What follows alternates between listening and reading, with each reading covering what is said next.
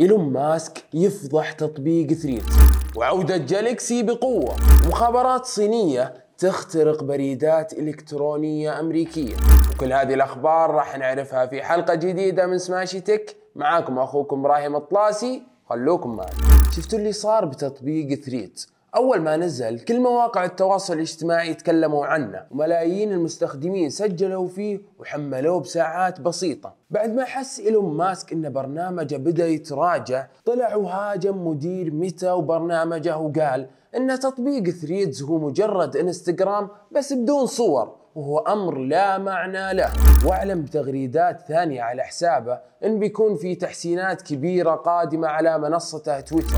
الناس تساءلت وتحمست وش اللي بيتغير في التويتر لكن مع الأسف ما ذكر للحين إيلون ماسك أي تفاصيل عن التحديثات اللي بتكون على تويتر. في خبر جميل لمحبين أجهزة الجالكسي. أعلنت شركة سامسونج عن إطلاق هاتفها الذكي جالكسي ام 34 اللي بينباع بتاريخ 15 يوليو. والمعروف إن أجهزة سامسونج دائما بكل جهاز يضيفون لك إضافات تفرق عن الجهاز اللي قبله. وهذا اللي مخلي كثير من الناس يتجهون لهذا الجوال. ومن مميزات الجوال الجديد اللي أعلنته سامسونج تصويره الفوتوغرافي بكاميرته اللي توصل دقة 50 ميجا بكسل مع مثبت صورة بصري وبطاريته اللي توصل مدة يومين ولا تطفى لكن ترى باستخدام معتدل. وأخيرا أبشركم الجهاز راح يدعم شبكات الجيل الخامس 5G واضح حمستكم عليه ولا؟